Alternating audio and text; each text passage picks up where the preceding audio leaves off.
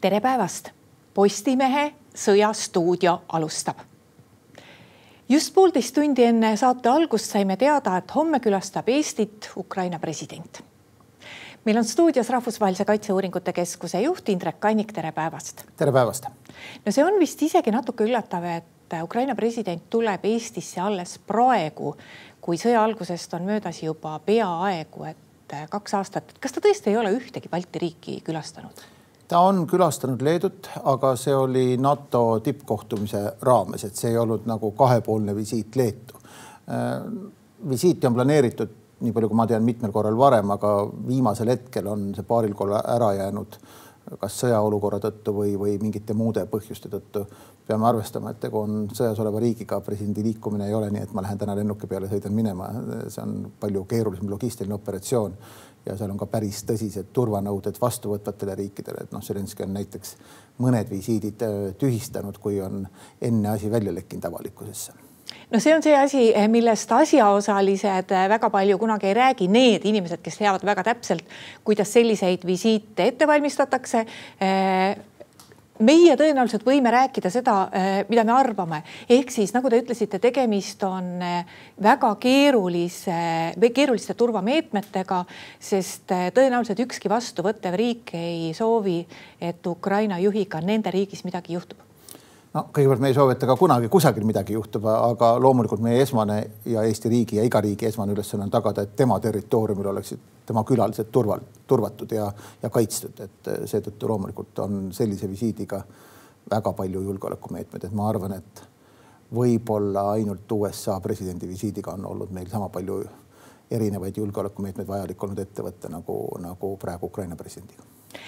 no tõenäoliselt see sõnum, millega Ukraina president et äh, homme tuleb Eestisse. see sõnum Eesti jaoks ei ole võõras ja see ja see Ukraina presidendi jutt ei pea olema midagi sellist, mis eestimaalasi veenab, sest meie siin oleme ikkagi suhteliselt veendunud selles, et äh, meie peame Ukrainat aitama ja Euroopa peab Ukrainat aitama ja kogu see maailm, kes mõtleb nii nagu meie, peab Ukrainat aitama ei, ma jah ka ei usu, et mingeid suuri üllatusi homselt visiidilt tuleks, et äh, ja nende päevade visiidilt Lätti, Leetu, Eestisse või Leetu, Eestisse, Lätisse, nagu ma aru saan, see järjekord on, et äh, räägitakse üle seda, kinnitatakse üle seda, mida me teame, et äh, et Ukraina võitleb kogu Euroopa vabaduse eest ja et äh, Euroopa ja läänemaailma kohus on, on Ukrainat toetada kui te olete jälginud, et eh, kui palju Ukraina president tegelikult ikkagi selliseid eh, välisvisiite teeb ja kui palju ta julgeb olla väljaspool Ukrainat? sõja esimesel poolel aastal oli nende visiitide hulk väga-väga piiratud, hiljem on see tempo tasapisi tõusnud, et on olnud ikkagi rohkem visiite, visiidid on tihedamad. Ehm, ja noh, ma usun, et, et selles mõttes väljaspool Ukrainat olek ei ole suur julgeolekurisk, muidugi peab valima, kuhu minna, aga noh, liitlaste juuresolek ei ole suur julgeolekurisk ja no ta on käinud ka isegi riigis nagu Argentiina ju, kui ta käis Argentiina uue presidendi ametisse äh, astumise tseremoonial. et, ähm, et ei, ma arvan, et see ei ole väga täiendav julgeolekurisk, aga need meetmed peavad olema suured. riskid mõnes mõttes on ju ikka Ukraina sees suuremad, kuna on teada mitmeid kordi, kus Vened on üritanud teda tappa, president Zelenskit äh, konkreetselt välisriikide territooriumitel on need võimalused õnnestada ikkagi kokkuvõttes piiratumad, kui proovida raketirünnakutega teda kusagil Ukrainas tappa. Eh, nendel visiitidel ja nende visiitide puhul annab eh, Ukraina president ka pressikonverentse, ta annab neid ka homme siin Eestis. kuidas hinnata Ukraina presidendi vastuseid, et tõenäoliselt on ta pigem ikkagi väga otsese ütlemisega riigijuht? No ta on emotsionaalne inimene oma tausta kasvõi tõttu, ta ei ole ju professionaalne poliitik, kes oleks terve elu tegelenud oma sõnastuste lihvimisega, aga ta muidugi sõna valdab jälle oma elukutse tõttu ka perfektselt hästi. et tema pressikonverentsid on, ma arvan, tavalisest poliitikust värvikamad, ütleme niimoodi. kui oluline on sõja ajal see, et Ukraina president käibki teistes riikides? ma arvan, see on ikka kindlasti väga oluline, et et kõigil nendele, kes tahavad viivitada, natuke vähem anda muudab see jälle ikkagi natuke keerulisemaks, kui nähakse seda, et see inimene, kelle kodumaa on tõsises hädas, äh, kus inimesed on hädas, äh, kus president ise on elanud viimased kaks aastat äh, suur hulk ajast varjendites ja turvakodudes. ja kui vaadata kasvõi Zelenskile peale, milline ta välja nägi kaks aastat tagasi, milline ta näeb välja praegu, siis kindlasti on ta vananenud rohkem kui kaks aastat selle aja jooksul, et ma arvan, et see ikkagi tekitab ka emotsionaalse sideme vastuvõtjatele, et, et me peame jätkama seda võitlust räägime nüüd sellest ka, mis Ukrainas toimub, et äh, seal toimuv ei ole läinud kuidagiviisi lihtsamaks, sest äh, külmakraadid on jõudnud ka mõnedesse Ukraina paikadesse.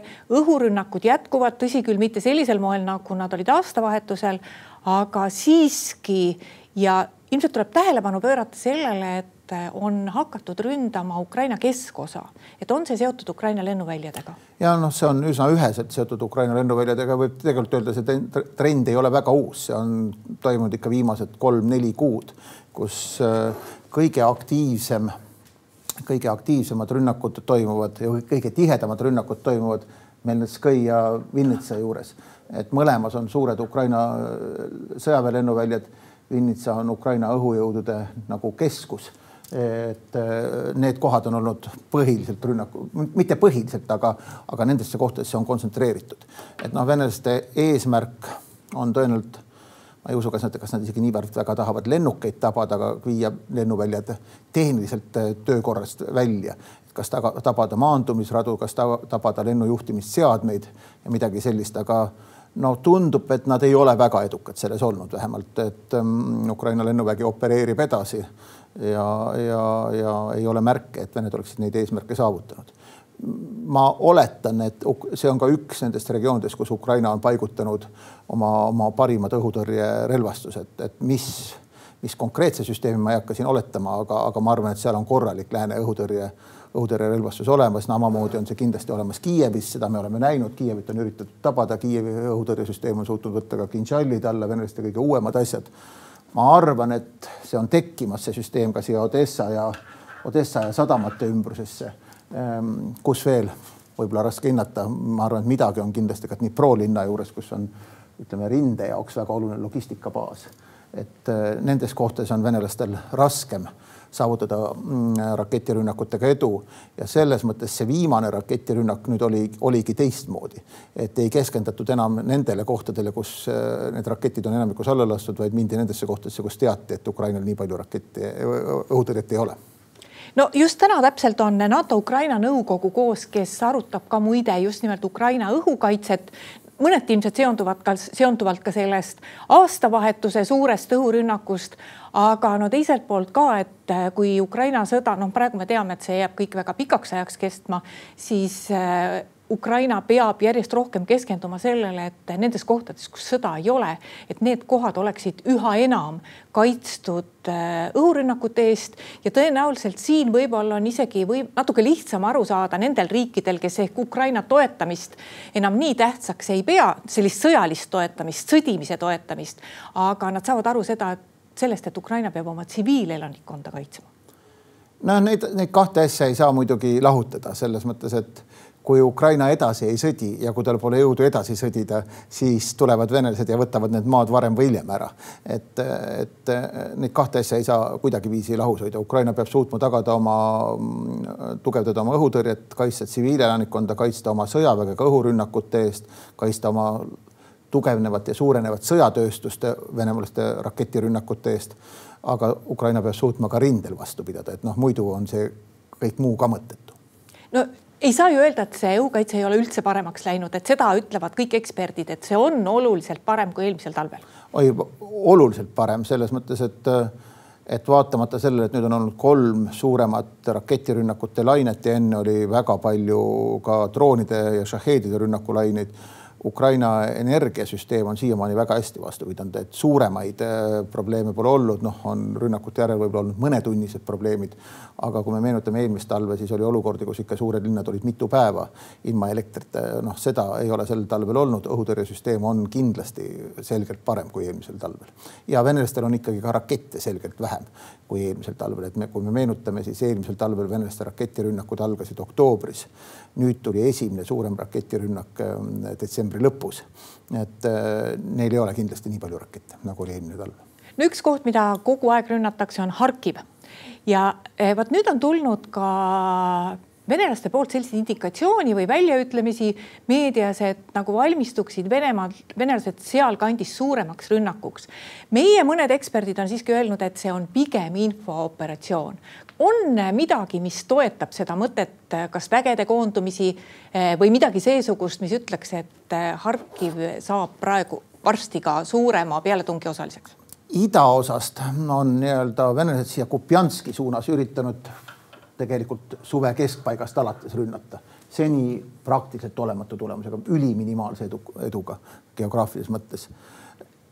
ka ukrainlased ise ütlevad, et siin Belgorodi oblastis ei ole venelastel piisavalt vägesid, et võtta tõe, tõsist operatsiooni Harkivi suunas ette. et ähm, jah, ainult ühelt poolt see rünnak toimida ei saa, peaks toimuma mitmelt poolelt pigem loeme selle praegusel hetkel infooperatsiooniks. venelastel ei ole neid üksuseid, et suuremat rünnakut Harkivile kahelt poolt korraga ette võtta. Eh, kui vaadata, mis toimub mujal rindel, siis eh, need uudised on üsna sarnased, et öeldakse, et venelased on siiski suhteliselt aktiivsed, nad üritavad, aga nad väga palju ei saavuta, et kus see aktiivsus praegu kõige suurem on? no kõige suurem on aktiivsus vist ikkagi kokkuvõttes äh, siinsamas Donetski ümbruses endiselt äh, Avdiivka ja Marinka et seal on see venelaste aktiivsus jätkuvalt kõige suurem Avdiivka juures. Nad suutsid oktoobri algul natukene edeneda, pärast seda on nad seisma jäänud. Et Avdiivka olukord on jätkuvalt kriitiline, aga sellist akuutset ohtu, et venelased võiksid selle nüüd nädala või kahega ära võtta, vist ei tundu praegusel hetkel olevat. Ja teised kohad, kus nad ründavad, on siis ikkagi sama Kupjanski suund, natuke ka Pahmuti juures, aga siin on ka viimastel päevadel see aktiivsus vähenenud. Me võime kokkuvõttes öelda, et Vene suure rünnaku algusest on möödas umbes kolm kuud, oktoobri algupoolel see toimus ja noh, edu on vist veel piiratum, kui Ukrainal oli oma suvise nii-öelda suure rünnaku jooksul, et, et see rinne on ikkagi üsna paika jäänud, et et ka venelaste see ründekatse ei ole tulemusi toonud kokkuvõttes. ja seal lõunas Donetski, Dnepri jõe idakaldal, seal nad ikkagi aeg-ajalt katsetavad võtta tagasi neid alasid, kus ukrainlased on natukene edenenud, aga see on täiesti mõttetu, seal ei ole vist erilisi nagu öelda, tagasivõtmisi või, või erilisi liikumisi olnud. jah, ukrainlased suutsid suve lõpul tekitada siis äh, Hersonist veidi nii-öelda ida poole üle Dnepri jõe idakaldale Sillapea krõnki juures ja, ja seda nad on suutnud hoida. lahingud on üsna rasked, Vened on sinna üsna kõvasti pingutanud, aga väga suurte kaotuste hindadega ja, ja territooriumit nad tagasi võtta ei ole suutnud. seal on selles mõttes ka maastik soosib väga ukrainlasi, kuna see maastik on veelgi, veelgi avatum kui paljudes muudes Ukraina alades, sest seal ei ole isegi neid konkreetseid neid metsatükke tükikesi, kuhu sai ennast varjata, sealkandis on isegi seda väga vähe.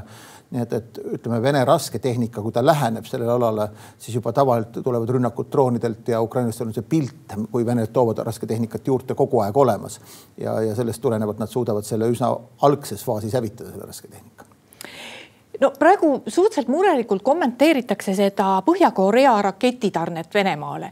samas no miks me oleksime pidanud arvama, et sellist eh, tehingut ei tehta? Venemaa puhul, et siin on ju suhteliselt naljakas, tundub, et viidatakse mingitele rahvusvahelistele reeglitele. noh, Venemaa ju praegu ei pea mingitest reeglitest kinni mul jääb üle ainult nõustuda, et see on väga naljakas, et kui keegi nagu seda ootamatusena võtab, et, et Iraan või, või, või Põhja-Korea Venemaale midagi annavad. see on loogiline protsessi osa. Need riigid teevad tihedat koostööd ja neid, neid ei huvita absoluutselt rahvusvaheline õigus või, või teatud reeglid asi, mis aastaga selgust, aasta lõpuga selgust ei toonud, on see Ukraina abistamise rahad ehk siis tegelikult ei ole kindlust, mis saab Ukraina abistamisega edasi. kui kriitiline see punkt on, ehk siis, et kui ruttu, kas on lootust, et meil tulevad mingid otsused siin aasta alguses, jaanuaris, veebruaris ja, ja kui kriitiliseks sellega läheb, et Ukraina ei tea nagu sellist pikka perspektiivi lootust on ja, ja ütleme Euroopa Liidu puhul ma olen mõõdukalt kindel, et see otsus tuleb siin lähima kuu jooksul ära, et, et seal on olemas mehhanismid, kuidas ka Ungari võimalikust vetost mööda minna ja nüüd juba Ungari on asunud otsima kompromissi. Ka veto küsimuses, et ei tuleks kolmeaastane pakett, vaid ainult üheaastane pakett ja järgmine aasta uuesti vaadatakse see läbi, et, et Euroopa Liidu puhul see saab lahendatud. USA puhul on ka lootust, eelmisel nädalal tuli või selle nädala algul tuli siin info, infokild, et et senati läbirääkijad, ühe kahe partei demokraatide ja vabariiklaste läbirääkijad on jõudmas kokkuleppele nii-öelda USA enda immigratsiooniküsimustes ja USA lõunapiiri küsimustes. Mm, no aga samas ma ütlen, seda lootust Ukrainale on antud ameeriklaste poolt viimased kolm kuud alates oktoobrist, et et ma ei oleks siin veel liiga palju rõõmustada, ei ole põhjust, et tuleb ära oodata, et see lahenduseni jõutakse aga jah, rahalises mõttes hakkab see olukord kriitiliseks muutuma. Need fondid, mis on USA administratsioonil kasutada Ukraina toetamiseks, on kas läbi või praktiliselt läbi ja ma arvan, et kui siin lähima kuu jooksul lahendusi ei tule, siis hakkab Ukraina sõjalisi võimeid mõjutama, võib-olla mitte kohe aga edasi planeerida juba näiteks kevadisi operatsioone on raske, kui sul ei ole kindlust, et sul selleks ajaks on olemas vastav relvastus olemas. ma arvan, et Ukrainal noh, mõneks kuuks veel varusid jätkub aga need otsused ja, ja edasine transport, logistika, see võtab kõik aegu. et seal võib tekkida olukord, kus hakkab, hakkab tekkima auk vähemalt relvastuse saamises ja relvastuse olemasolus sisse teatud asjade puhul, kui otsused ei tule nüüd üsna kohe. nüüd me jõuame tõesti juba selle ajaliselt väga kriitilise piirini ja, ja, ja noh, on äärmiselt kahetsusväärne, et Ameerika Ühendriigid ei suuda siin strateegilist maailmapilti tajuda, vaid tegeldakse sisepoliitilise kauplemisega. mida me siis sellelt aastalt nüüd ootame, et äh, kas pigem tuleb äh, samasugune aasta, kui oli eelmine, kus eriti edasiliikumisi ei ole või, või mis, mis on see, mis ka kõige parima stsenaariumi järgi võib juhtuda? Äh, just nimelt parima, ma rõhutan, et mida head võib juhtuda selles sõjas? parim stsenaarium on see, kui Venemaal saabub kaos, mida me ei saa lõpuni välistada, aga, aga noh, arvestada sellega me kindlasti ei saa. et äh, on arvestatav ja üsna suur tõenäosus, et, et rindejoon on üsna paigal äh, selle aasta jooksul ja suuri edasiminekuid ei toimu ükskõik kummalt poolt. aga nagu me nägime Prigožini mässust, äh, siis Venemaal võib kaos tulla üsna ootamatult, et seda lootust ei maksa kunagi päris kõrvale heita. aga arvestada muidugi Ukraina sellega ei saa, Ukraina peab arvestama sellega, et tal on piisavalt relvastust, piisavalt mehi, et ta suudab äh, rinnet vähemalt paigal hoida ja, ja lootus, väike lootus on, et äkki ka kusagil natuke edasi liikuda ise mida on loota sellest, kui need, see lubatud abi relvade näol, hävituslennukite näol, mis on lubatud, kohale jõuab. kui palju see võib muuta sõjakäiku, et millal need lennukid, hävituslennukid siis nüüd lõpuks võiksid Ukrainasse jõuda? no nagu lootus on, et nad võiksid selle kevade lõpuks jõuda, aga ka siin tuleb kohati üsna erinevaid signaale ja nad ei jõua kindlasti kõik korraga kohale et eh, kui nad tulevad ühe eskadrilli kaupa, kümne-viieteistkümne lennuki kaupa, siis see mõju väga suur ei ole, aga iga asi natuke aitab, et eh, Ukraina õhuvägi on praegu ikka oluliselt nõrgem kui Vene õhuvägi. kuigi Ukraina õhutõrje on olnud piisavalt hea, et ka Vene õhuvägi otse rindejoonelt üldjoontes eemale tõrjuda. aga, aga selleks, et saavutada nii-öelda ülekaalu, siis nii-öelda ameeriklased peaksid sõda niimoodi, kui neil oleks õhus totaalne ülekaal. ja sellest on muidugi Ukraina kaugel ja isegi kui kohale jõuavad need, noh, siin räägitakse kuuekümnest kuni, kuni seitsmekümnest äh, hävitajast. see ei taga ülekaalu, see võib-olla tagab pariteetsuse Ukrainale õhus, aga mitte ülekaalu veel. Indrek Kannik, aitäh tulemast Postimehe Sõjastuudiosse. aitäh. ja aitäh ka kõigile neile, kes meid vaatasid Postimehe järgmine otsesaade on eetris juba homme. seniks lugege uudiseid postimees.ee